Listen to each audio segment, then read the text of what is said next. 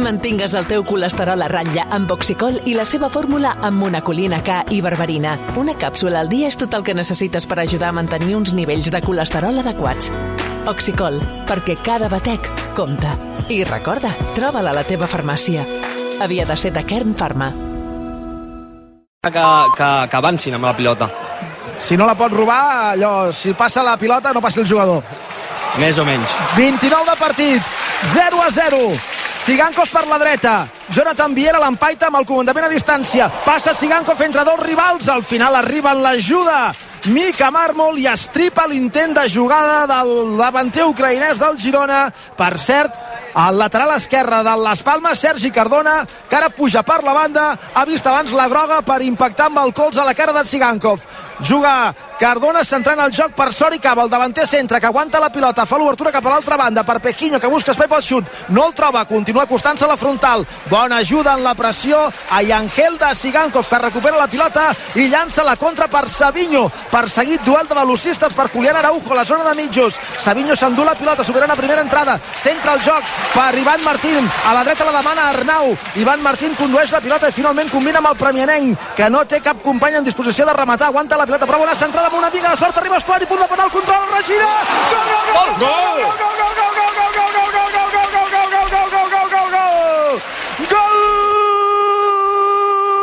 moment anul·lat del Girona. Jo crec que al final és autogol. Haurem de veure què decideix el Bar ja té Mateu Busquets Ferrer. La mala auricular, la centrada d'Arnau la posició d'Estuani en el moment de la centrada, no sé si és bona o no, tampoc no sé si hi ha algun moment en què controli amb la mà en el moment del gir per encarar porteria. I diria que al final no és ell qui marca, sinó el rival que li vol robar la pilota i que la fa entrar joc, entre el porter i el pal. Doncs llavors serà fora de joc de Cristian Estuani i aquest gol no pujarà al marcador tot i que aquí encara no s'ha pres una decisió Vaja, la repetició queda bastant clara, almenys en la que ens han ofert, que Estuani està per davant de l'últim defensa. I després el gol és en pròpia porta. Sí, sí. A, a mi em sembla, a mi m'havia semblat fora de joc des d'aquí, però clar, tampoc això fins que no es tiren línies no, no se sap. no clar, però a mi el que em sorprèn és que vosaltres ho veieu tan clar i que aquí encara estigui el joc aturat No, no, no sé, igual la No, no. línia la tiren torta, però vaja, no, no, no, no, no generava dubtes, almenys No, en la no. repetició. A mi no hem feia dit, falta cap repetició. per això ho hem dit tan clar. També, també des d'aquí ho semblava... a Perquè, veure, pantalla, sí. gol anul·lat Des d'aquí ho semblava perquè les Palmes també tirava la línia endavant i ho ha semblat molt clar, però clar, tampoc semblava mans, semblava fora de joc. Eh, moltes coses, no? clar, I el bar pues, sempre triga un minut o dos, pues, Però tu has vist que, teni, que o sigui, que Puig Amorós i Molló Massaguer són millor que Del Cerro Grande al bar, perquè amb un minut d'antelació ja ens ho han dit. jo ho tenia claríssim, això. O sigui, no... Anem a obrir un sobre de Panini, la màgia Va, de Panini, vinga, que sempre Ole. ens ajuda a que arribi el primer gol del partit i que no s'anuli. Mira, on eh, que està jugant Marc Cardona, de Las Palmes. El, congelador. el congelador. Denis Suárez, Home, home, de qualitat aquí, eh? Pedri, oh, cromo de talent, eh? oh, Gran central Lenormand, home, ha igual Molt la pròpia porta, però és bo. un provocador, Ivan Alejo, eh, Endavant. Apcar, Mario Hermoso i en Nesiri. Qualitat, eh, en aquest Sí, sobre home. de Panini. Sí. Els ADN Synergy aquest any, eh, que són Home, les novetats d'aquestes són grans parelles del campionat, la màgia de Panini, l'àlbum ja és aquí per anar-lo completant amb tots els cromos. Com tenim la cursa de MotoGP al circuit de Barcelona-Catalunya, Quim? Doncs completades quatre voltes, es vol escapar Maverick Viñales, el persegueix Aleix Espargaró, que quan ha vist que l'empordanès volia anar-se'n, eh, s'ha desfet de seguida de Jorge Martín i l'està intentant perseguir quatre dècimes entre els dos catalans de l'Aprilia oficial. La tercera moto també és una Aprilia, la pilota el portuguès Miguel Oliveira, festival de la marca de Noale aquí al circuit de Barcelona-Catalunya. Quart és Martinator, setè Àlex Márquez, desè Marc Márquez, ja dèiem abans que Pol Espargaró s'ha hagut de retirar, també Brad Binder, Ramon, a Viñales el coneixes bé, si s'escapa, difícil atrapar-lo. Sí, la veritat és que, que ho, està fe, ho està fent molt bé. Uh, L'Aleix ho està intentant perquè ho sap també ell, sap que si si s'escapa hi tindrà feina i està fent el màxim. Uh, tenen un problema, eh, que estan tirant molt eh, tots dos i igual arriben a final de cursa amb els pneumàtics fets pols perquè ara estan, uh, sobretot l'Aleix, que és el que va darrere i està apretant, uh, està, està estressant molt el pneumàtic. Queda moltíssima cursa, més de 18 voltes encara pel final. Ahir deia l'Aleix, no?, que, que li va sorprendre el ritme de banyalla d'inici, però que va dir, l'he de seguir, l'he de seguir si vull intentar la, la victòria i a veure qui rebenta abans el pneumàtic, et deia tu, Quim, eh, quan eh, te tenia un cop eh, guanyada aquesta cursa sprint. Sí, i si és un factor clau a 12 voltes, imagina't a, a 23, no, Ramon? No em sent ara que passen les motos aquí mateix amb tota la fressa que fan. Nova passada per meta, Vinyales, Espargaró, Oliveira, Martín, Zarco, Miller, Satèlex, Márquez. Deia Ramon que si a 12 voltes ja s'ha de, ja de tenir en compte la degradació dels pneumàtics, a 23 és factor crític. Sí, sí, és, és, és molt important. A més, és un circuit l'asfalt... L'Aprilia aquí per mi va molt bé perquè té, té molta tracció, és la, la gran avantatge que té, perquè és un asfalt d'un grip una mica especial. És, és, uh, no, patina, però patina agressiu. Vol dir que el, el, la pedra que hi ha dintre l'asfalt és bastant cantelluda i destrossa bastant el pneumàtic. Quan has d'estirar molt eh, és difícil arribar a final de cursa amb un pneumàtic en, en bones condicions. Per cert que el, eh, Lo Salva ens diu via, via Twitter que, això potser el Ramon ens dirà que sí o que no, eh, que el que es tira al circuit, en aquest cas, eh, per, eh, per escampar l'oli o per netejar l'oli, eh, es diu sapiolita.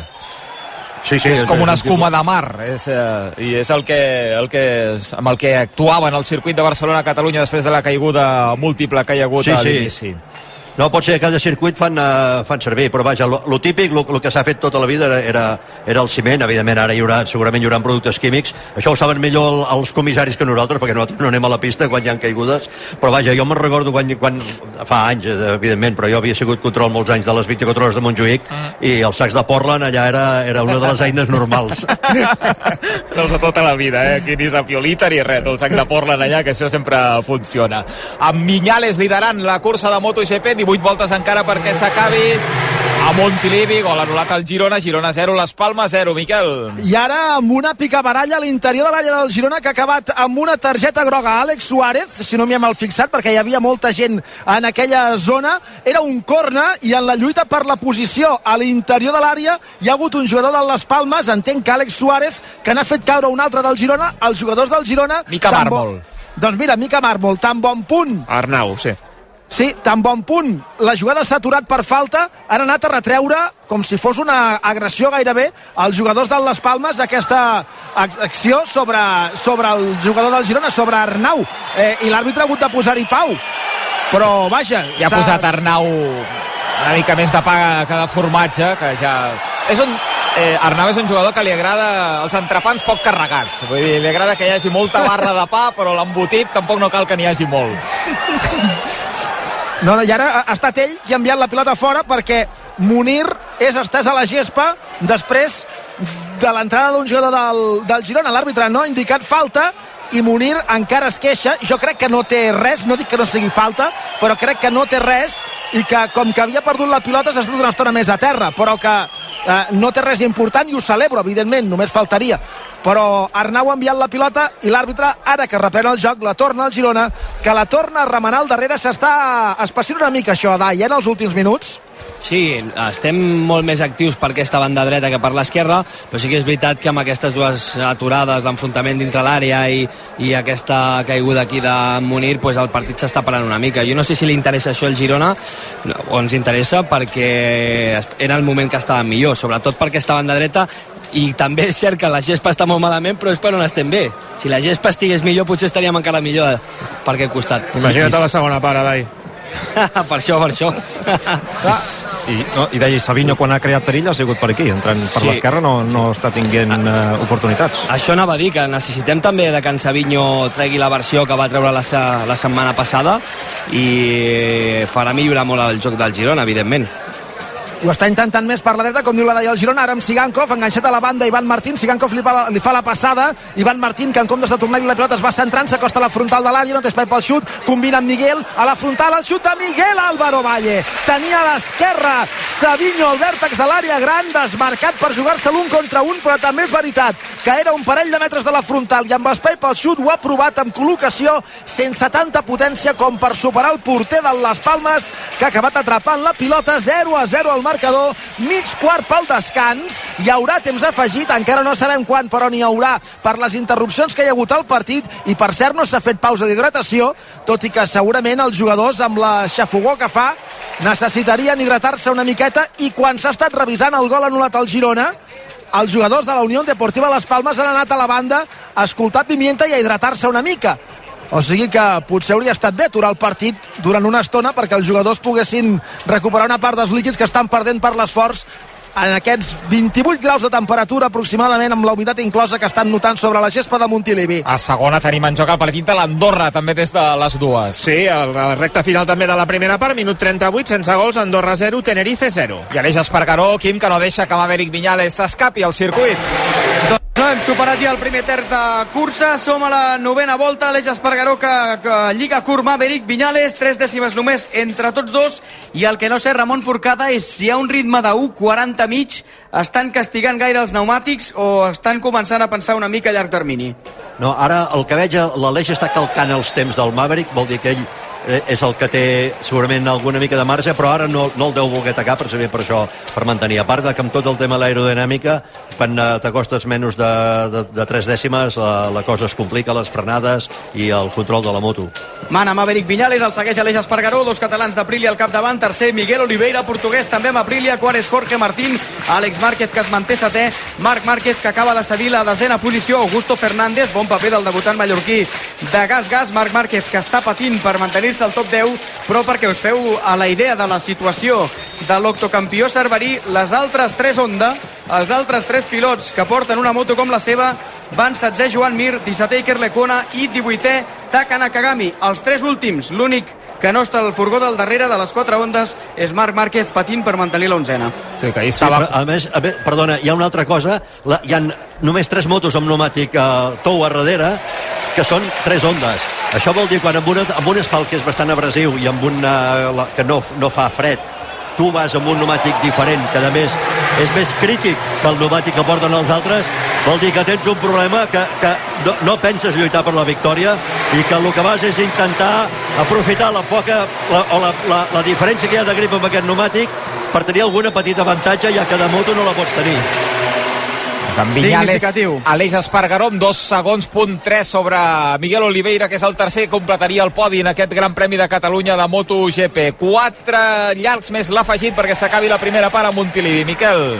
0 a 0 al marcador, amb un Les Palmes que quan aconsegueix tenir la pilota una mica la mou bé, sobretot si passa pels peus de Jonathan Viera, però de moment el Girona que ha tingut alguns moments millor sobre la gespa, ara sembla que ha fet una davallada en el rendiment i que el partit es torna a igualar.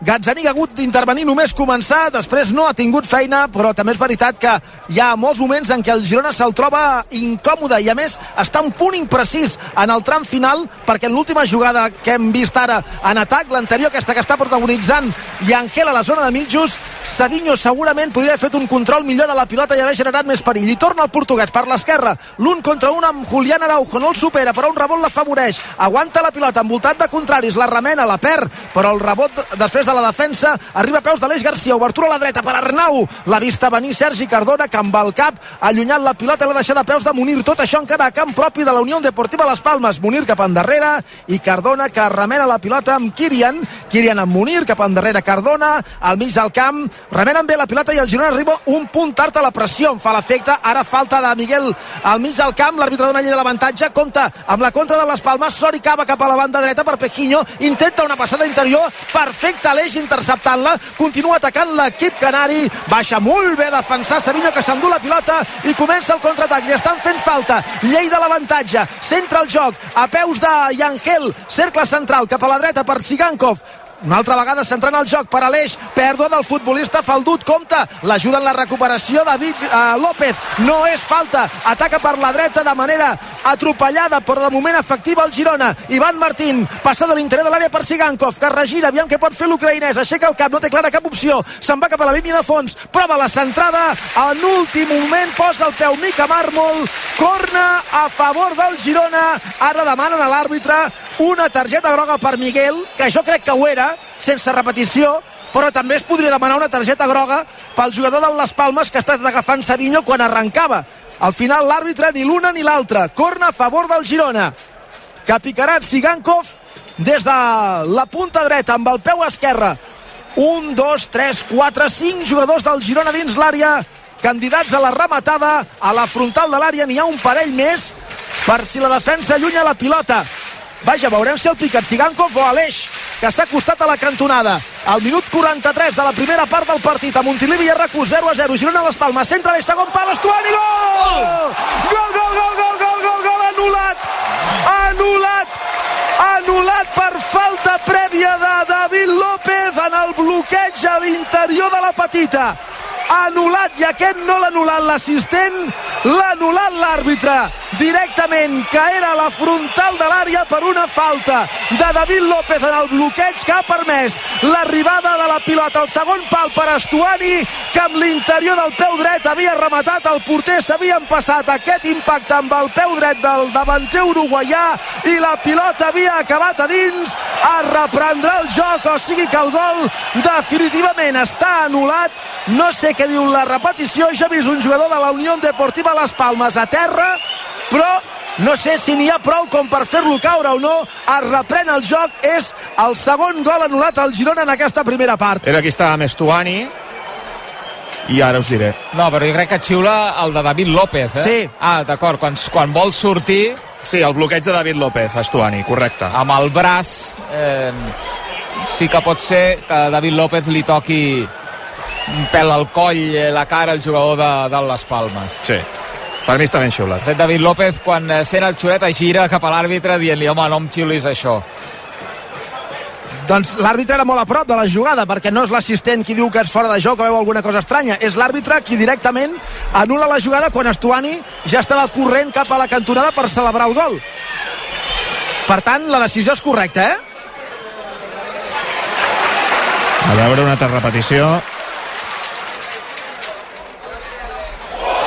És un bloqueig, n'hem vist molts aquests, eh, per això. Sí.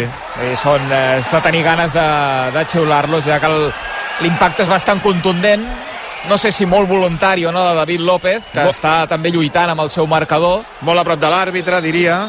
Sí. N'haurà de fer tres, molt. Estuani, perquè un sigui vàlid. Dos minuts de temps afegit a la primera Com? etapa. Sí, sí, dos. Dos? Sembla un- poc? Anava a dir quatre. Hem vist un dos, no? Sí, sí. És boig, aquest àrbitre. Sí, sí, sí, sí dos, dos. minuts. Dos Carai. minuts. Sí, sí. Dos minuts de temps afegit a la primera part. sí. Intentant fora l'equip canari a la frontal de l'àrea del Girona, intervé David López i recupera la pilota. Molló. Només amb els gols anul·lats, setès a dos jugadors. Vaja. Bé, Sí, sí. Potser el vol cap a les illes surt a les 5 de la tarda i Potser sí. llavors, clar, eh, ha d'anar per feina. El circuit de Barcelona-Catalunya obrint forat eh, Maverick Viñales sobre l'Eix Espargaró. Quim? Sí, acabem de superar l'equador de, la, de la cursa, som a la dotzena volta de 23.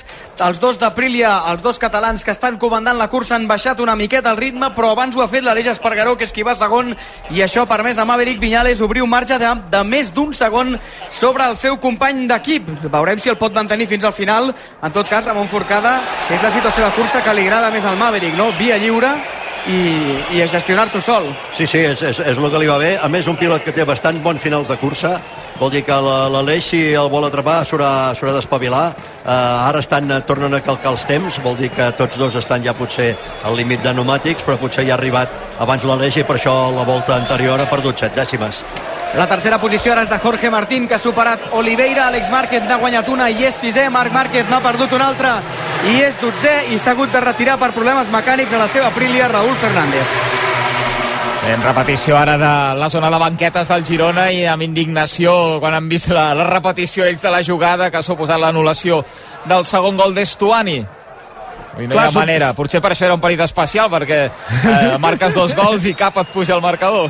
Mitja part a Montilivi, el públic que acaba empipat amb l'àrbitre, 0 a 0 entre el Girona i el Las Palmes, i Angel s'acosta a Busquets Ferrer per dir-li alguna cosa, ara amb els galons del braçal de capità i Bastuani, parla amb l'àrbitre, finalment marxa el col·legiat d'aquella zona, també s'hi acosta David López, que és qui ha fet la falta que ha apreciat Busquets Ferrer prèvia al gol d'Estuani, i vaja, pel que dieu, amb el reglament a la mà està ben anul·lat aquest segon gol però també és veritat que de jugades com aquesta n'hem vistes moltes que han acabat en gol i que no s'han xiulat. Entenc pel que dieu que és una mica eh, estricta aquesta decisió.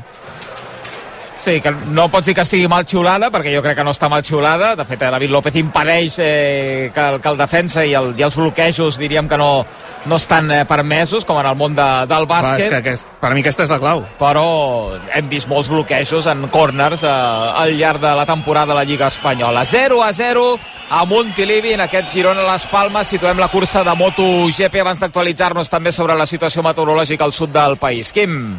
10 voltes pel final, Maverick Viñales mana amb un segon de marxa sobre l'eix Espargaró, el tercer és Jorge Martín i ara mateix Peco Banyaia surt amb ambulància per carretera cap a l'Hospital General de Catalunya. Doncs eh, de moment sense cap diagnòstic, eh, Quim, des del, des del No, no. circuit. No tenim cap informació de l'estat de Banyaia, però un cop se l'han mirat aquí al circuit l'envien cap a l'Hospital General de Catalunya per carretera, amb ambulància. Sí, l'única cosa bona, bueno, bona, dintre de la llàstima que aquella marxa és que va amb ambulància, no va amb helicòpter. Vol dir que dins de la gravetat no sabem exactament què té, però si fos algú realment greu no aniria amb helicòpter. Doncs sí, tranquil·litzador aquest detall. Doncs mira, sempre eh, trobem eh, factors positius eh? i és veritat que no hi ha, no hi ha una urgència en aquest cas i per, per això aquest trasllat per carretera de Peco Banyaia accidentat en la primera sortida per sort, eh, la moto que ha passat per sobre seu ha passat per sobre de, de la cama, eh, d'una de les cames de, de Peco Banyaia i no per una zona superior del seu cos. Ara hi tornem cap al circuit de Barcelona-Catalunya. Abans, però, actualitzem també la situació general, eh, informativa, especialment eh, centrats en el sud del país amb el Nil eh, Sant Martí. Hola Nil, bona tarda. Bona tarda. Perquè els aiguats han deixat enrere Catalunya amb inundacions importants i alguns danys materials, sobretot al Montsià, però sense cap ferit. I el que és important és que ja ha passat el més greu d'aquest temporal. El govern, de fet, ja ha aixecat de manera oficial el confinament del Canà i treballa per recuperar la normalitat als habitatges i carrers afectats, així com a les carreteres i al ferrocarril. Ho han explicat els responsables dels bombers i de protecció civil en una compareixença des del centre de comandament d'Amposta. L'hem eh, pogut sentir en part a fa una hora. Tornem cap allà, Sílvia Berbís. municipals, també els bombers estan ara netejant tot el que poden i avaluant els danys d'esta gota freda. En mitja hora s'han superat els 61 litres per metre quadrat d'aigua al canà, els 50 a Mas de Barberans i els 40 a la Mella de Mar. Tot i les nombroses afectacions particulars i viàries, no s'han registrat danys personals. Fa res, un minut s'ha aixecat l'ordre de confinament que ha afectat la població d'Alcanar. Rafael Prades és responsable de protecció civil a les Terres de l'Ebre. Ja s'aixeca l'ordre de confinament, però és que es demana moltíssima precaució, limitar tant com sigui possible els moviments a la zona i sobretot evitar eh, apropar-se a rieres, eh, rius, zones on pugui baixar aigua i també a la zona marítima perquè hi haurà afectació forta per, per fortonatge. Així que ara es manté l'avís per vent i el fort onatge que pot arribar als 3 metres d'altura al delta de l'Ebre. I el que és important, ho dèiem, que no hi ha hagut cap ferit en aquest episodi que es tingui coneixement. Ara bé, els danys materials han estat importants, els nuclis del litoral del Canà, els més afectats, l'epicentre, amb alguns habitatges, fins i tot afectats lleument a l'estructura. Alguns, a qui els ha tocat el rebre, per cert, ja els va passar el mateix fa dos anys i tres dies, quan hi va haver un altre iguat amb inundacions al Canà. És el cas de la propietària del restaurant El Racó del Port, que està just al costat del barranc de les cases del Canà, Rosa Maria Sancho. De moment tota l'aigua ja l'hem tirat fora. Ara tot està aixecat i hem de mirar a veure el que és que falla, que no falla, però de moment està corregit. Si no mos torna a ploure i mos torna a entrar aigua, de moment esta ja està passada. Declaracions de Sancho a rac A banda, els aiguats han caigut especialment, ho dèiem ara, a la costa brenca, també, però, el massís dels ports i les conseqüències a tots dos costats, a la vessant aragonesa, a Beseit, ha quedat gairebé aïllat aquest municipi. La carretera que puja al poble des de la resta del Matarranya ha quedat impracticable, continua així per un despreniment de roques de grans dimensions que costarà com a mínim hores de retirar. Ho ha explicat a la presidenta de l'Associació d'Empresaris Turístics de Beseit, Núria Millan. Estàvem una mica atabalats tots perquè el túnel d'eixida del poble, de les pluges tan fortes que hi ha hagut, ha caigut tota una part de la muntanya i, i, i ara mateix pues, eh, a veure, tenim opció de poder eixir per un altre puesto, però està una mica complicat. Per contra, a Catalunya el temporal ja no afecta a les carreteres, només queda tallat un petit tram de la C12 en un tram urbà entre Tortosa i Roquetes. Sí que està tallada la línia de tren entre Catalunya i el País Valencià i, segons fonts de Renfe i Adif consultades per rac seguirà sense funcionar com a mínim fins demà. Per tant, no circulen els trens regionals entre Tortosa, l'Aldea i Ulldecona, tampoc els de llarg recorregut i alguns euromets els, del, els desvien per la línia de Madrid per anar cap a València. Una altra de les afectacions al subministrament elèctric, fem recompte de com està la situació a la Sènia, encara hi ha més d'un miler d'habitatges sense llum, per tant, força més habitants, i els equips treballen per reparar aquesta avaria. L'altre municipi afectat on encara hi ha abonats sense subministrament, Miravet, uns 300 habitatges més. I passades les pluges, el que queda, i ja ho hem sentit, ho deia la Sílvia Berbís, és el vent fort i la mala mar. Repassem, Martí Oliveres, algunes dades del temporal i de com ha d'evolucionar tot plegat a partir d'ara. Sí, bona tarda. Pendents encara d'aquest temporal que ja va de baix, ha deixat més de 240 litres per metre quadrat a Mas de Barberans, al Montsià 218, al Canaki amb intensitat torrencial més de 60 litres per metre quadrat caiguts en només mitja hora. Aquestes pluges ja s'han aturat, ja no plou pràcticament a cap punt del país, per tant a les Terres de l'Ebre ja la pluja és història. El que sí que es queda és el temporal de mar al voltant del delta de l'Ebre, es poden superar els 3-4 metres d'alçada, així ho indica un avís del Servei Meteorològic de Catalunya i a la resta un cel cada cop més clar, per tant una tarda de diumenge d'operació tornada més tranquil·la en aquest sentit perquè no esperem que plogui a cap punt de Catalunya. Això sí, pendents del vent, compta amb les ventades perquè poden ser fortes, sobretot al centre i al sud. Gràcies, Martí. I un darrer apunt temporal a banda perquè és notícia la llau de mostres, en aquest cas eh, de record a Carme Junyent, que ha mort avui als 68 anys, la lingüista, era directora del grup d'estudis de llengües amenaçades, ho hem sabut aquest matí, defensora del català, va documentar les llengües amb més perill d'extingir-se. Junyent era professora a la UB, on li faran un homenatge, i a les últimes hores doncs, l'han recordat, l'han glossada, entre d'altres, el president de la Generalitat, Pere Aragonès, també entitats com Òmnium Cultural, Junyent, que ha mort per un càncer. Gràcies, Nil. Fins ara. Fins ara. 5 minuts i les 3 de la tarda, el descans d'aquest Girona 0, les Palmes 0 a Montilivi, amb la cursa de MotoGP en marxa al circuit de Barcelona-Catalunya i amb Aleix Espargaró apropant-se amb Amèric Viñales. Quim? Sí, això s'acosta al desenllaç, menys de 6 voltes pel final, continua al davant l'empordanès d'Aprilia, però Aleix Espargaró li posa pressió també amb Aprilia, s'acosta a 3 dècimes, tornen a rodar junts els dos catalans de la marca Danoale, quina situació tan preciosa i també quina pressió, perquè evidentment un doblet per Aprilia és importantíssim, però tant Maverick Viñales com Aleix Espargaró voldran guanyar aquesta cursa. És a dir, que estic segur que tindrem lluita. Ara han d'anar molt en compte que això no acabi en desastre.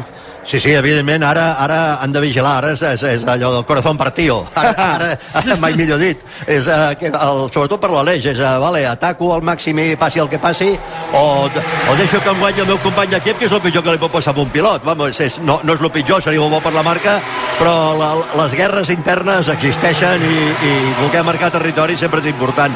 L'última volta pot ser realment interessant, eh? En aquest sentit, no crec que l'Aleix Espargaró ho tingui en compte perquè no deu estar gaire informat, però atenció perquè l'Aleix hauria de pensar una mica també en clau campionat. M'explico. L'Aleix està a 131 punts a la General de Banyaia.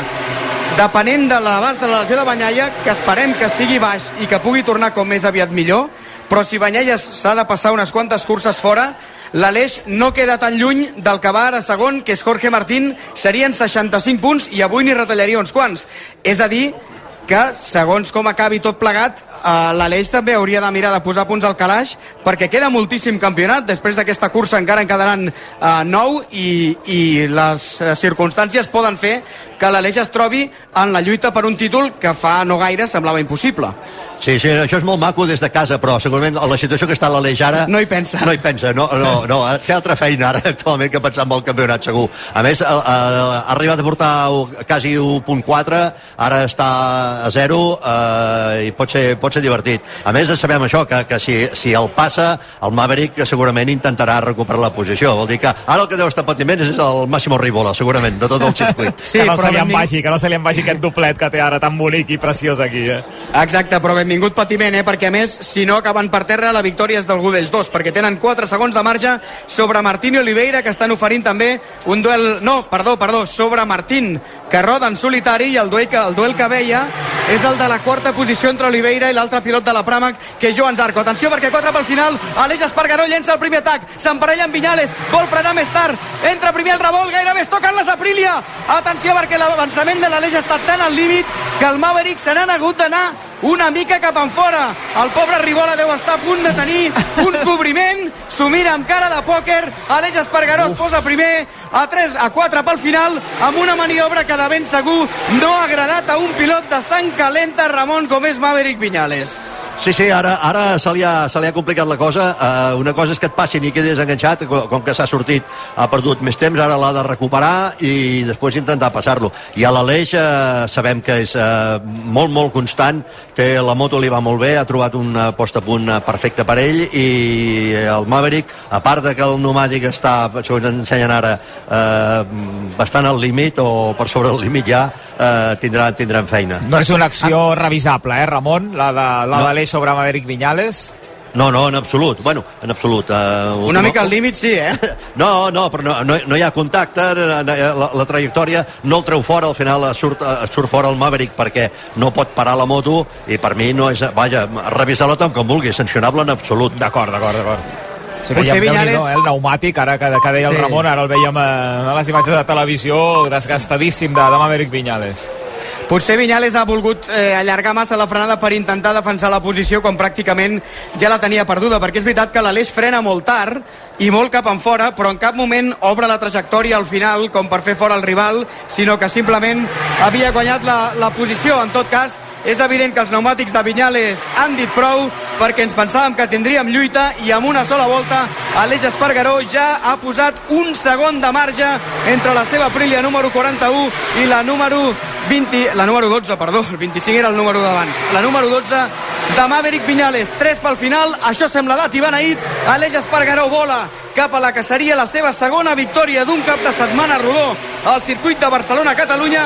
Maverick Viñales, en principi, per molt castigats que tingui els pneumàtics, no ha de patir per arribar segon perquè té 3 segons de marge sobre Jorge Martín, que completaria el podi. Fa estona que no us explico què fan la resta. Mar a Àlex Márquez, que roda la sisena posició, Marc Márquez a la tretzena, i el duel per eh, no ser l'últim entre les dues on dedicar Lecona 16 i Joan Mir, que ara tanca la classificació 17è. Han hagut de plegar Pol Espargaró, Raúl Fernández, Brad Binder i no han pres la sortida Peco Banyalla, que és a l'Hospital General de Catalunya. Esperem que no tingui res greu, ni Enea Bastianini, que també havia caigut a la primera arrencada. Ara es mostrava la realització que seria la primera vegada que veuríem dues Aprilia en un podi d'un gran premi de MotoGP. Si això acaba així, amb Aleix Espargaró i Maverick Viñales a primer i segon en aquest gran premi de Catalunya. Per tant, avui la festa serà grossa, grossa a Aprilia. Sens dubte, sens dubte, perquè és una marca que té poca història a MotoGP, sí que té una història extensíssima i brillantíssima eh, quan el Mundial era dos temps i tenia 125 i Moto2, però a MotoGP pràcticament eh, no, no havien fet gairebé res i això és un èxit rotund. En un any que és l'any de Ducati, que tots estem dient que Ducati domina, i Aprilia fa aquesta exhibició eh, d'aquest cap de setmana, perquè no només és d'avui diumenge, sinó tot el cap de setmana manant en un circuit que els tècnics, Ramon, sempre dieu que és dels més complets, com és aquest de Barcelona-Catalunya. Sí, la veritat és que ara, ara sembla que està bastant més estabilitzat, l'Aleix està marxant de mica en mica, segurament el Maverick a, a la frenada quan l'Aleix ha passat s'ha donat compte de que ara ha intentat atacar l'Aleix, té moltes possibilitats d'acabar a terra, moltes, moltíssimes, i evidentment eh, primer i segon és, és un èxit per tots, per la fàbrica, i evidentment eh, ara, ara ell sí que ara ja pot començar a pensar ara ja um, ha perdut pràcticament la possibilitat d'atacar, està a 1.5 faltant dues voltes, ara ja, si no s'equivoca l'Aleix, això està dat i portar la moto al box i sobretot pujar al podi, que no és mal premi per Vinyales. De seguida ens centrem en el final. Abans, Ramon, hem parlat de la crisi d'Honda. També déu nhi com està Yamaha, que ha estat la teva marca durant tants anys. Quartararo avui salva els mobles amb una setena posició, però eh, Morbidelli el tenim 14è i en un any molt dolent també de, de la marca japonesa. De fet, de totes les marques japoneses que són Honda i Yamaha. Sí, bueno, al final de les dues que queden de marques japoneses. Sí. Hi havia hagut una època que només hi havia japoneses i alguna europea. No, la veritat és que eh, a la situació del Franqui, eh, un pilot que a mitja temporada ja l'han despedit, per l'any que ve, evidentment, ara ja la, el que es pot jugar, evidentment, és un professional, intentarà fer-lo el millor possible, però la, la supervivència segueix important. I el Fabio, al final, està una mica amb la situació del Marc. Eh, han, de, han de començar a apretar, han de començar a veure què poden fer per l'any que ve, eh, si no hi ha canvi de marques, que, que, que tot, eh, em sembla que fins a l'última cursa això estarà, estarà ballant, però han de començar ja a, a pensar, a veure quina informació van portar, què són capaços d'exigir de, d'exigir a la fàbrica i com respon la fàbrica, que això serà sempre, sempre és una incògnita, sobretot parlant de japonesos. Comença l'última volta del Gran Premi de Catalunya amb Aleix Espargaró volant cap al triomf que serà el seu tercer a MotoGP 4 si li, suprem la, si li sumem l'esprint d'ahir i que més serà tancar el cap de setmana perfecte. Primer els entrenaments de divendres que valen per poc. Primer l'esprint de dissabte que ja val 12 puntets. I primer a la cursa del diumenge 25 a més amb el prestigi de guanyar una cursa de MotoGP i fer-ho a casa. Bravo Aleix Espargaró. Quin uh, cap de setmana que està fent i atenció a la segona meitat del Mundial si és que les Aprilia van a tot arreu tan bé com estan anant aquí. Maverick Viñales que arribarà a segon ja no pren riscos i Jorge Martín que tampoc ha de patir per la tercera posició. Tenim Aleix Espargaró negociant ja la pujada a la Moraneta eh, Ramon potser un dels punts més bonics del circuit a nivell de pilotatge un revolt amb canvi de direcció i pujada Sí, sí, és, és un punt uh, molt interessant, és un punt que patina bastant també, vull dir que això al final ho fa més espectacular, perquè les motos si van gaire, gaire uh, fines després no, no, no són divertides, uh, l'Aleix ara ja va controlar, però ojo que se li ha costat al Maverick bastant, que té massa distància, però que no veiem un, uh, Ai, Rossi, ai, ai. Ro- un Rossi Lorenzo del 2009. Ai, ai, ai, perquè són ja a la zona de l'estadi. La diferència ha passat d'un segon punt 3 a 7 dècimes, mig segon. Jo crec, però, que l'Aleix ho hauria de tenir controlat, però és que Maverick Viñales, si en suma sang, és capaç de, No, no. de tirar-s'hi amb tot. Som ja als últims revolts. Està fet, no està hi fet. arribarà Aleix Espargaró, que entra a la recta de meta del circuit de Barcelona a Catalunya i guanya també la cursa del diumenge. Quin cap de setmana, doblet estratosfèric, descomunal d'Aleix Espargaró, el Gran Premi de Catalunya de MotoGP, va guanyar l'esprint, ha guanyat el Gran Premi, sensacional Aleix, sensacional Maverick Viñales, que ha acabat segon, sensacional Aprilia, quin doblet de la marca de Noale, el podi el completa Jorge Martín tercer, Àlex Márquez que arriba sisè, Marc Márquez que acaba la cursa tretzè,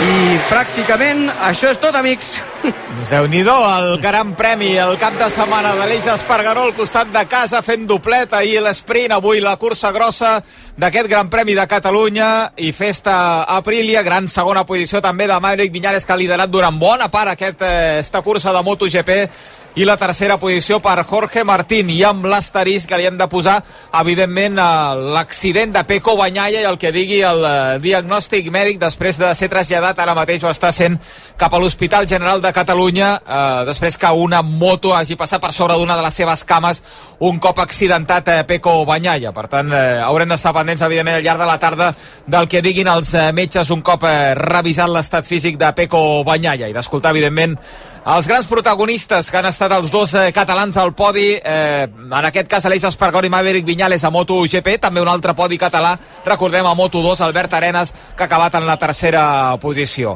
Ramon no està malament el cap de setmana a nivell català, aquest any que el Mundial parla menys català segurament que altres edicions, com a mínim a Catalunya, déu nhi ha parlat bastant català, eh? Sí, sí, no, està, està molt bé. Uh, jo crec que és una cursa que podem treure ba- bastantes, bastantes conclusions, bones conclusions. Algú s'hauria de mirar perquè Aprilia va estar en un moment que no diria exactament igual, però sí semblant a on estan Yamaha i Honda, i hi va haver conclave dins del grup Piaggio, que al final és el propietari de la marca, i la, la, la gran aposta d'Aprilia va ser, escolta, eh, el que estan fent ara això no val per res, o sigui, o ho deixem estar, o ens hi posem, però ens hi posem de debò. Jo crec que aquesta... I al final, bueno, van decidir, el grup Piaggio va decidir pues, que apostaven per la categoria i van invertir diners, que al final és l'única cosa que, que, que, que funciona, és el que val, eh, i, i ho van aconseguir molt bé. Ara, goita, ara ja, ja estem amb, amb, el, amb, amb el show. Atenció a la celebració d'Aleix Espargaró i Maverick Viñales que estan fent un tot somú de manual. Són molt amics, oh. són companys a l'equip oficial Aprilia. De fet, l'Aleix va intercedir perquè Aprilia fitxés Maverick Viñales en un moment delicat de la carrera de l'Empordanès i ara s'han intercanviat les motos. Per tant, completen la volta d'honor l'Aleix a bord de l'Aprilia número 12 del Maverick i el Maverick a bord de l'Aprilia número 41 de l'Aleix. Una demostració de bon rotllo i de companyerisme, per cert, el detall de Maverick Viñales portant una bandera en honor del seu cosí Din Berta, que, que va morir tràgicament en un accident a Jerez, crec que fa un parell d'anys, ara no me'n recordo bé, en una cursa de la Superesport 300 i llueix el nom de Din i el número 21, que és el que lluïa el seu cosí. En el moment en què Marc Márquez també s'atura davant de la seva grada, la grada del eh, We Are 93, del Som 93, dels seus fans per saludar, però no ho havia vist mai això, Ramon, uns companys d'equips que es canvien de moto per, per completar la volta d'honor. No, no, els pilots són molt gelosos de la seva moto. Al, alguna vegada, i, i és molt difícil de veure algú ha provat la moto de l'altre quan tens molts problemes de setting, però en privat, evidentment, però no en una cursa canviar-se la moto, jo no ho havia vist mai, vaja. I això crec que és, que és una senyal de bon rotllo, vol dir que, que, que tothom treballa en la mateixa direcció, que no hi ha enveges, que no hi ha uh, males històries, i aquí jo crec que aquí hi ha, hi ha a part d'això del que deia el Quim, que l'Aleix va intercedir perquè el Maverick anés allà, jo crec que el Massimo Rivola eh, està demostrant, està ensenyant a molta gent que porta molts anys al paddock com es gestiona un equip. Doncs sí senyor, gran imatge avui per Aprilia, eh? Doncs sí senyor, aquest doblet li feia un 2, un 2 amb la mà Aleix Espargaró, Maverick Viñales quan s'han trobat les dues motos abans de fer aquest intercanvi, que és una mica el que van fer eh, Alexia Putella i Jenny Hermoso, ara fa veritat. alguns Sí. dies a la, a la celebració del Mundial, que es van canviar les samarretes i una portava la de l'altra, doncs una mica el que han fet també Maverick Viñales avui i Aleix Espargaró, no amb els monos, que seria més complicat de fer no. eh, amb les granotes, sinó amb les motos, que és una mica més senzill d'intercanviar-les a sobre de l'asfalt del circuit de Barcelona-Catalunya. Ramon, moltíssimes gràcies per haver-nos acompanyat avui en aquesta transmissió, que, home, si cada any ha d'acabar en doblet, et anirem convidant, eh? eh vull dir, tingues el mòbil, el mòbil a punt. Vale, vale, ho tindré en compte. Gràcies a vosaltres. Uh, Quim, et deixem pendents dels protagonistes. Ens demanes pas quan parlin els integrants catalans de, del podi en aquesta zona d'entrevistes al circuit de Barcelona-Catalunya. Sí, perfecte. Deixa'm dir ràpidament, com cada any que venim aquí, gràcies a Dorna i al circuit de Barcelona-Catalunya per les facilitats i a la direcció de rac per l'aposta de cobrir en directe el Gran Premi de MotoGP. Ben dit, eh? Gràcies, Quim. Fins ara. Fins ara. Ha arrencat la segona part fa 5 minuts a Montilivi d'aquest Girona 0, les Palmes 0, que ens hem perdut, Miquel. Doncs ara el joc està aturat bàsicament això perquè ha picat un corna. El Girona hi ha hagut una melé dins l'àrea i els jugadors del Girona que s'han llançat a terra per rebatar una pilota solta demanen mans d'un jugador de les Palmes. Si s'està revisant la jugada al bar, no sé si en teniu repetició perquè el partit està aturat i l'àrbitre diu, doncs mira, no cal repetició, vaja, sí que en cal per analitzar-la amb calma, però diu que no hi ha res punible i que la pilota és per l'equip canari, però ben bé un minut i mig, el partit està aturat, veurem si l'àrbitre això ho comptabilitza. El temps afegit o si fa com a la primera part en què se li ha escolat el temps de les mans amb un temps afegit molt i molt curt, però vaja, s'ha acabat la revisió de la jugada, no és penal a favor del Girona, es reprèn el joc amb el 0 a 0. Reclamàvem en mans d'Araujo, sí. els jugadors del Girona. Ara la Moviola Molló es mirarà unes quantes repeticions a veure realment si primer li No. toca la cama, si no li toca el braç. Res. Res? Res. Jo diria que és... Carn d'olla, sí. Sí, sí. Molló Massaguer, que diu que és carnolla, per tant... Falta la pilota. Molt bé. Doncs, a més, a, a, és una jugada en què tot passa amb molt poc espai perquè hi ha molts jugadors a, en, en un espai reduït i entenc també fins i tot que en aquest cas, si no és que el braç estigués, en el cas que hi hagués hagut impacte en el braç, molt desenganxat del cos, al final d'alguna manera trobes la pilota a sobre, perquè hi ha molts rebots i és molt difícil poder calcular certes intervencions defensives o apartar el braç quan la pilota ve de tan a prop, però vaja, com que tampoc no hi ha hagut contacte amb el braç, no cal ni valorar-ho, això. Sí, el que passa és que el tenia... És veritat que el té a més cap, a, a, cap avall, però bastant separat del cos, eh? Jo crec que ha tingut sort que no li ha tocat la pilota perquè si no, en el braç, perquè si no tenia un problema. Ara Bé, clar, I perquè si no anava gol, clar, no? Bé, en parlem. Estuani a la frontal amb Sigankov és dins l'àrea. Ara què pot fer? Intenta desfer-se de dos rivals. Perd la pilota i el Girona acaba perdent-la a la frontal de l'àrea contrària. Ara, però, la recuperada bé Van Martín. L'espera a l'esquerra. Savinho aixeca el cap. Fa una centrada escarrancida que allunya amb el cap Àlex Suárez. Veurem si surt fora o no. Lluita per la posició Savinho per endur-se-la. Perd el duel amb Pejinho i les Palmes que intenta començar des del darrere. Nova recuperació d'Ivan Martín, però compte que fa una mala passada endarrere que es queda en el contraatac. Sori Cava vol fer la- l'autopassada davant de David López, que ha aguantat molt bé, que ha interpretat molt bé la jugada i això que era l'últim home per evitar que la gambada poderosa del davanter de les Palmes el superés. Ha estat molt bé. El jugador Sant Cugatenc del Girona no era fàcil aquesta jugada, Dai. Hem començat eh, molt bé, és veritat que David López ha tingut aquí a l'1 contra 1 aquest i ho ha solucionat molt bé, però el Girona ha començat molt bé, a camp contrari, amb una jugada una altra vegada pel perfil dret, aquesta vegada d'en Savinho, molt bona jugada, i després ja ha passat tot això de, de les mans, que no ha sigut man, i, i ja està. I ja està, sí senyor. I s'ha acabat, home, i punt final. I ja... Digui, digui. No, dic, i s'ha acabat, ja està, ja, fins aquí ha passat aquesta segona jugada. Jugant el Girona o intentant-ho amb empentes i rodolons, refús de la defensa, molt bon control de Savinho, el públic que admira aquest control delicat del futbolista brasiler, pilota de peus d'Ivan Martín, centrada interessant, Mica Mármol amb el cap, el primer esforç, el segon Julián Araujo amb el peu i l'equip canari que treu la pilota del darrere com pot, per cert, pel Girona hi ha jugadors que s'escalfen abans, ho miraven Brugui, de moment no hi ha canvis, però aquí s'exercita la banda.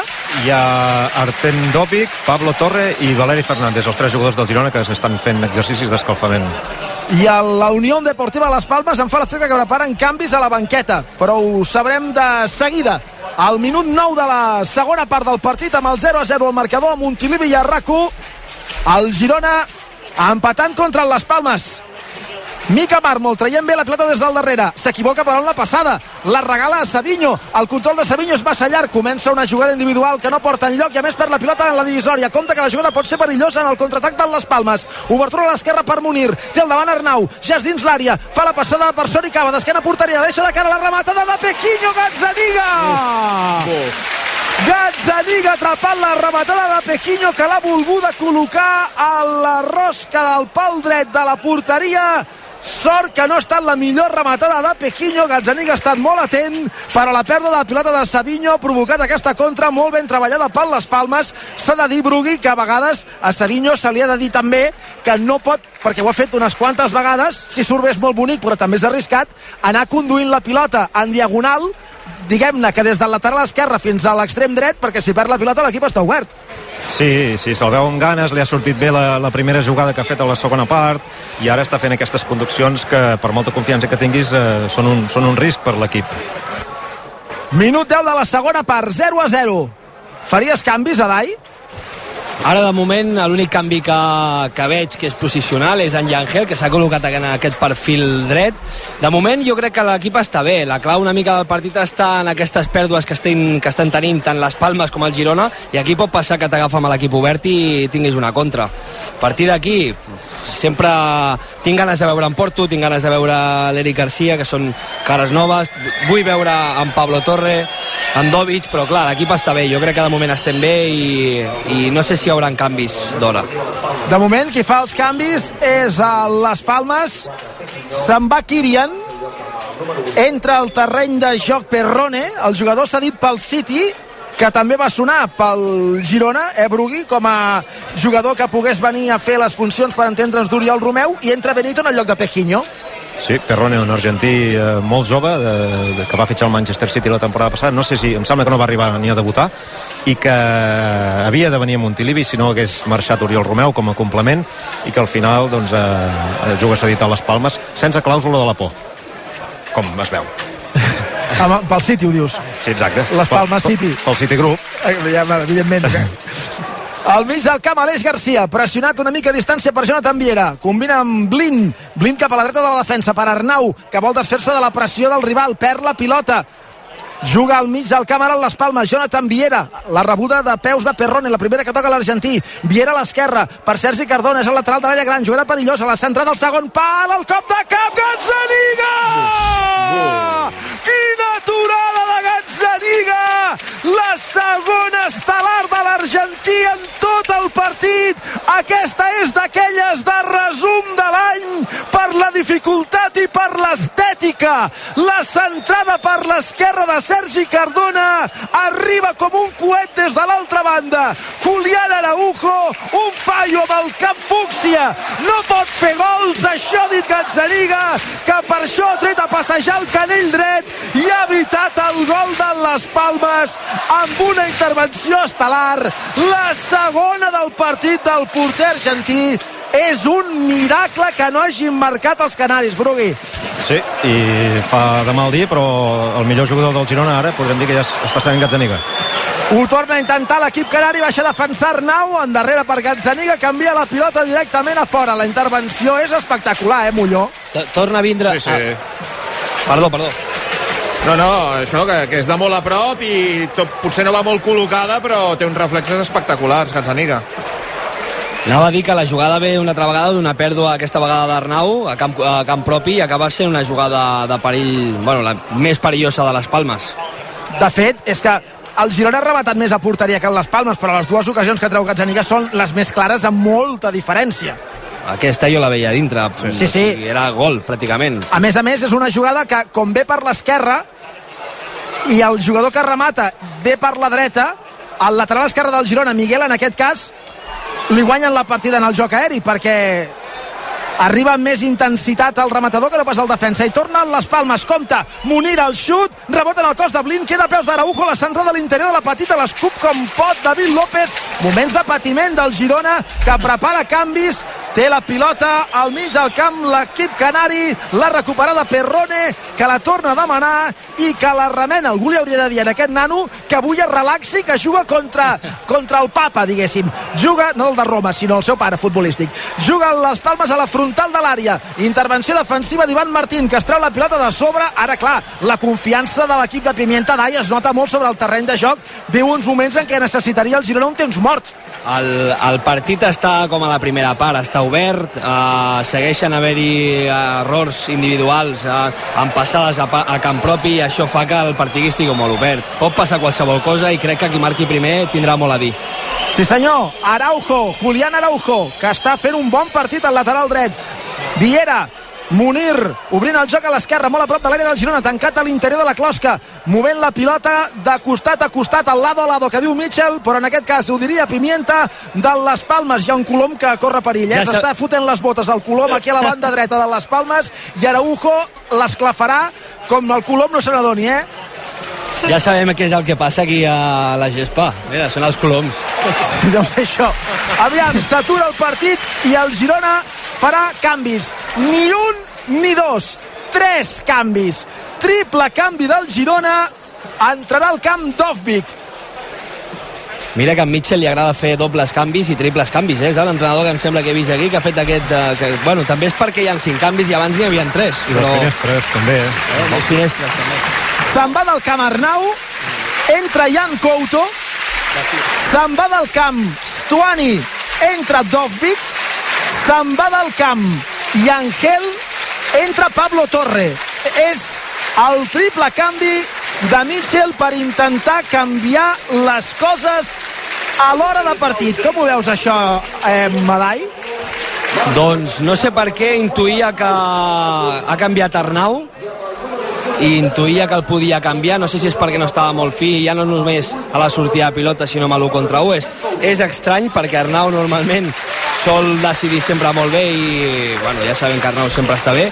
I, però Mitchell eh, ens acostuma a fer dobles canvis i triples canvis que no és molt usual. Sí que és cert que en tenim tres finestres més, el, més la mitja part però, però és valent a l'hora de fer canvis I deixa'm que a la festa l'Àlvaro Ademà. Hola Álvaro, bona tarda. Santander Lab 0 t'ofereix aquesta informació. Álvaro, Què bona tal, tarda. com esteu? Saluda'm, si et dic bona tarda, saluda'm, Álvaro. Com estàs, Xavi? Una mica d'educació. Perdó, perdó. Una mica d'educació.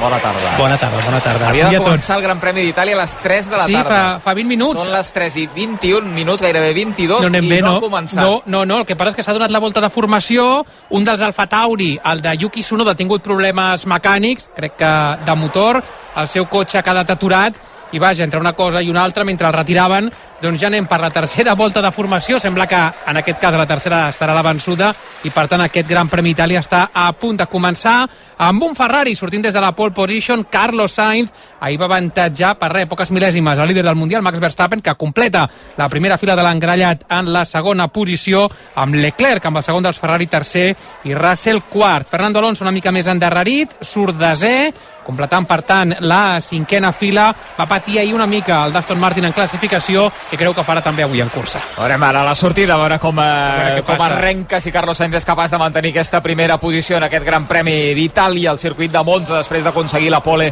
ahir el pilot eh, madrileny. Espera que també el Dani Aguilar és aquí. Hola, Dani, bona tarda. Hola, Xavi Puig, bona tarda. D'aquí a 8 minuts arrenca el partit de la selecció espanyola al Mundial de Bàsquet contra el Canadà. Si Espanya guanya, passa a quart. Si Espanya perd, queda eliminada. Està jugant Estats Units contra Lituània, jugant-se Sí. la primera posició també del grup, ja classificades les dues, però jugant-se el primer lloc del grup. I ha arribat ara mateix el partit al descans. Atenció al resultat, Estats Units 37, Lituània 54. 54 punts li han dosat l'equip de Roca Jokubaitis als Estats Units, a l'equip de Steve Kerr. Per tant, ara mateix seria el líder Lituània. Recordem totes dues eh, seleccions classificades. D'aquí 7 minuts arrencarà aquest Espanya-Canadà que ha de definir l'altre bitllet de quarts de final. Itàlia ja s'ha classificat avui també per als quarts de final. Letònia també ho ha fet guanyant contra el Brasil. I Alemanya ha derrotat clarament Eslovènia, per tant Alemanya passa com a primera, Eslovènia com a segona en aquest eh, grup. Arrenca el Gran Premi d'Itàlia de Fórmula 1. Exacte, Álvaro. s'apaguen els semàfors vermells, això comença de moment Carlos Sainz, que és capaç de mantenir la seva primera posició abans d'arribar a la primera frenada, al primer revolt del Gran Premi, sense canvis de moment en les primeres places, Sainz per davant de Verstappen, l'holandès segon, i per darrere veiem la batalla per la tercera plaça entre Charles Leclerc i George Russell, enganxats al Ferrari i al Mercedes, de moment el de Mónaco roda per davant, però atenció perquè Russell està intentant de totes totes prendre-li aquesta tercera posició. Doncs així ha arrencat aquest Gran Premi d'Itàlia de Fórmula 1. Tornem a Montilivi 0 a 0, 19 de la segona. Miquel. Sí senyor, amb el triple canvi del Girona i amb les Palmes tenint més la pilota com abans del canvi. O sigui que de moment les coses no van pas millor. L'únic que ha pogut fer el Girona després del triple canvi és una jugada per l'esquerra de Miguel Gutiérrez amb una centrada interessant per Dovvik que la defensa de la Unió Deportiva Las Palmes, en aquest cas Mica Mármol amb el cap, ha pogut evitar que acabés amb la rematada del davanter centre de l'equip gironí, però està sent incòmode, molt incòmode la segona part pel Girona, que a banda d'algun detall tècnic que sí, que provoca l'admiració de l'afició, no està tenint continuïtat en el joc i aquest és el problema. No està tenint la pilota i tot i que amb comptagotes crea perill a la Unió Deportiva Las Palmes, quan el crea és molt clar, sí que és veritat, Elai, que estem veient uns moments ja llargs, uns minuts llargs, ben bé 10, en què l'equip visitant té més la pilota i mana més en el partit. Sí, en García Pimienta és un entrenador... Mira, espera, que t'ho dic ara amb l'atac del Girona, la passada per Couto, no hi arriba. Quina llàstima perquè es Àlex quedava sol. Garcia, sí senyor, se la queda Álvaro Valle. Anava a dir que en García Pimienta és un entrenador molt experimentat amb, amb, amb el joc col·lectiu, que entrena molt i que els jugadors eh, els sedueix perquè estiguin sempre demanant la pilota i al final és una, un equip també molt intens, que pressiona molt a dalt i que fa que tingui errors a l'equip, eh, en aquest cas nosaltres, el Girona, així que, bueno, eh, el que dèiem abans, el partit està obert i pot passar qualsevol cosa. Compte una altra centrada a l'àrea, la treu amb el clatell gairebé Miguel Gutiérrez quan Munir, que ara puja per la dreta, la volia rematar, intentant sortir des del darrere el Girona, falta clara de Perrone sobre Pablo Torre, Brugui amb un 4-4-2 ara el Girona, eh? Sí, sí, sí, amb Dovic en punta d'atac, amb Pablo Torre acompanyant-lo una mica i estan veient un- els, uns, els, potser els pitjors minuts de, del Girona de la temporada eh, amb, els de principi de, del partit de Noeta. I la, la partida tàctica no sé si l'està acabant de guanyar en García Pimienta però ja ho havia avisat Mitchell, eh, que qui tingui més possessió compta en Dovic Sí, passada llarga a l'espai de Blin, va molt sol Dovvik, aguanta la pilota, deixa en curt per Savinho, lateral de l'àrea gran, el canvi d'orientació del joc de l'esquerra a la dreta, queda curt, l'ha vist venir Sergi Cardona, que treu la pilota amb el cap, és a punt de recuperar-la el Girona al mig del camp, però al final qui se l'endú és Sori Cava, el davanter de les Palmes, això és falta, és targeta, és falta i és targeta per David López, molt clara, semblava que recuperaria la pilota, però és molt corpulent. Sori Cava, al centre central, ha posat el cos per davant del Sant Cugatenc impedint-li arribar la pilota. Al final l'ha hagut d'agafar per tot arreu. Falta clara, no sé si esteu d'acord Sí, sí. entre les, sí, amb la- targeta segur, però entre l'estudi i la Dai amb això que deia en Brugui, dels pitjors minuts de la temporada del Girona.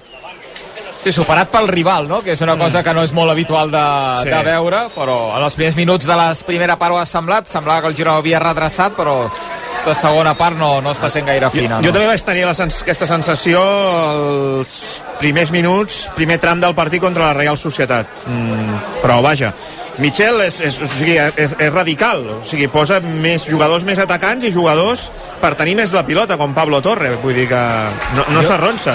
Jo crec, Jaume, que això també passa perquè això passa contra un rival que també vol la pilota i al final Mm. el Girona sense pilota pues, pateix més que amb pilota, és evident. Per què? Perquè està acostumat a tindre la pilota, uh, l'altre dia va vindre el Get- el Getafe uh, aquí a casa i al final és un equip que no, que no vol la pilota, llavors es fica amb, amb més problemes. Uh, el, les Palmes que no un Getafe, per exemple, i el dia de la Real va passar exactament el mateix. Encara i així, el resultat anem 0-0, el partit està obert, pot passar qualsevol cosa i hem de confiar al màxim amb l'equip. I tant que sí. David López per la dreta, més a la dreta espera la plata Jan Couto, la rep, juga cap a dins per Sigankov dins l'àrea, regira, encara la porteria cap endarrere per Dovvik, el control, busca fer pel xut, no el troba, la cedeix en curt cap a l'esquerra per Pablo Torre, dificultats en el control perquè la passada no era del tot bona, Savinho, vèrtex de l'àrea, aguanta la pilota, combina amb Dovvik, li torna Savinho, que la deixa a peus d'Ivan Martín, podria ser penal sobre Savinho, llei de l'avantatge, endarrere Couto, el xut, fora! No, no. Hi ha llei de l'avantatge en un penal, eh? És que, vaja, però a mi m'ha semblat que li feien falta i que, i que l'àrbitre donava llei de l'avantatge perquè si no, No, vaja, no, no, no, no pot donar llei de l'avantatge. no, no, entenc, entenc el que dius Val, val. però vull dir, però m'ha semblat que hi havia una, una, una falta a Savinho quan deixen a la pilota A mi també m'ho ha semblat. El que, el que és segur és que té rampes. Això segur. Això segur. Perquè li estan estirant la cama ara. I que Ivan Martín no té cama dreta, perquè ha tingut mm, tres posicions clares de xut i, i l'ha fintat tota perquè no, Res. no s'ha atrevit amb la dreta. Per mi no hi ha res. A veure aquesta última... Jo, jo no veig res. doncs no hi ha res Com si ens sopegués. M- m'havia semblat com si l'haguessin fet caure o l'haguessin trepitjat un cop a deixar en la pilota però pel que dius és ell sol, eh? Sí, sí, almenys les repeticions que hem vist, potser n'hi ha alguna altra que ens diu una altra cosa. Les que hem vist, jo em decantaria per això. D'acord, doncs s'ha reprès el joc, Savinho a un palet coix, però vaja, no crec que sigui res, i a la banda està preparat per entrar Valeri. Veurem en el lloc d'aquí. Sigankov s'acostava a la banda com si hagués de ser ell, el jugador substituït. A 20 minuts pel final, ataquen les palmes, pilota profunda, l'esquena de Jan Couto, compten la jugada, la centrada bombada l'interior de l'àrea, hauria de ser de Gazzaniga que surt i l'acaba atrapant, l'ha destorbat,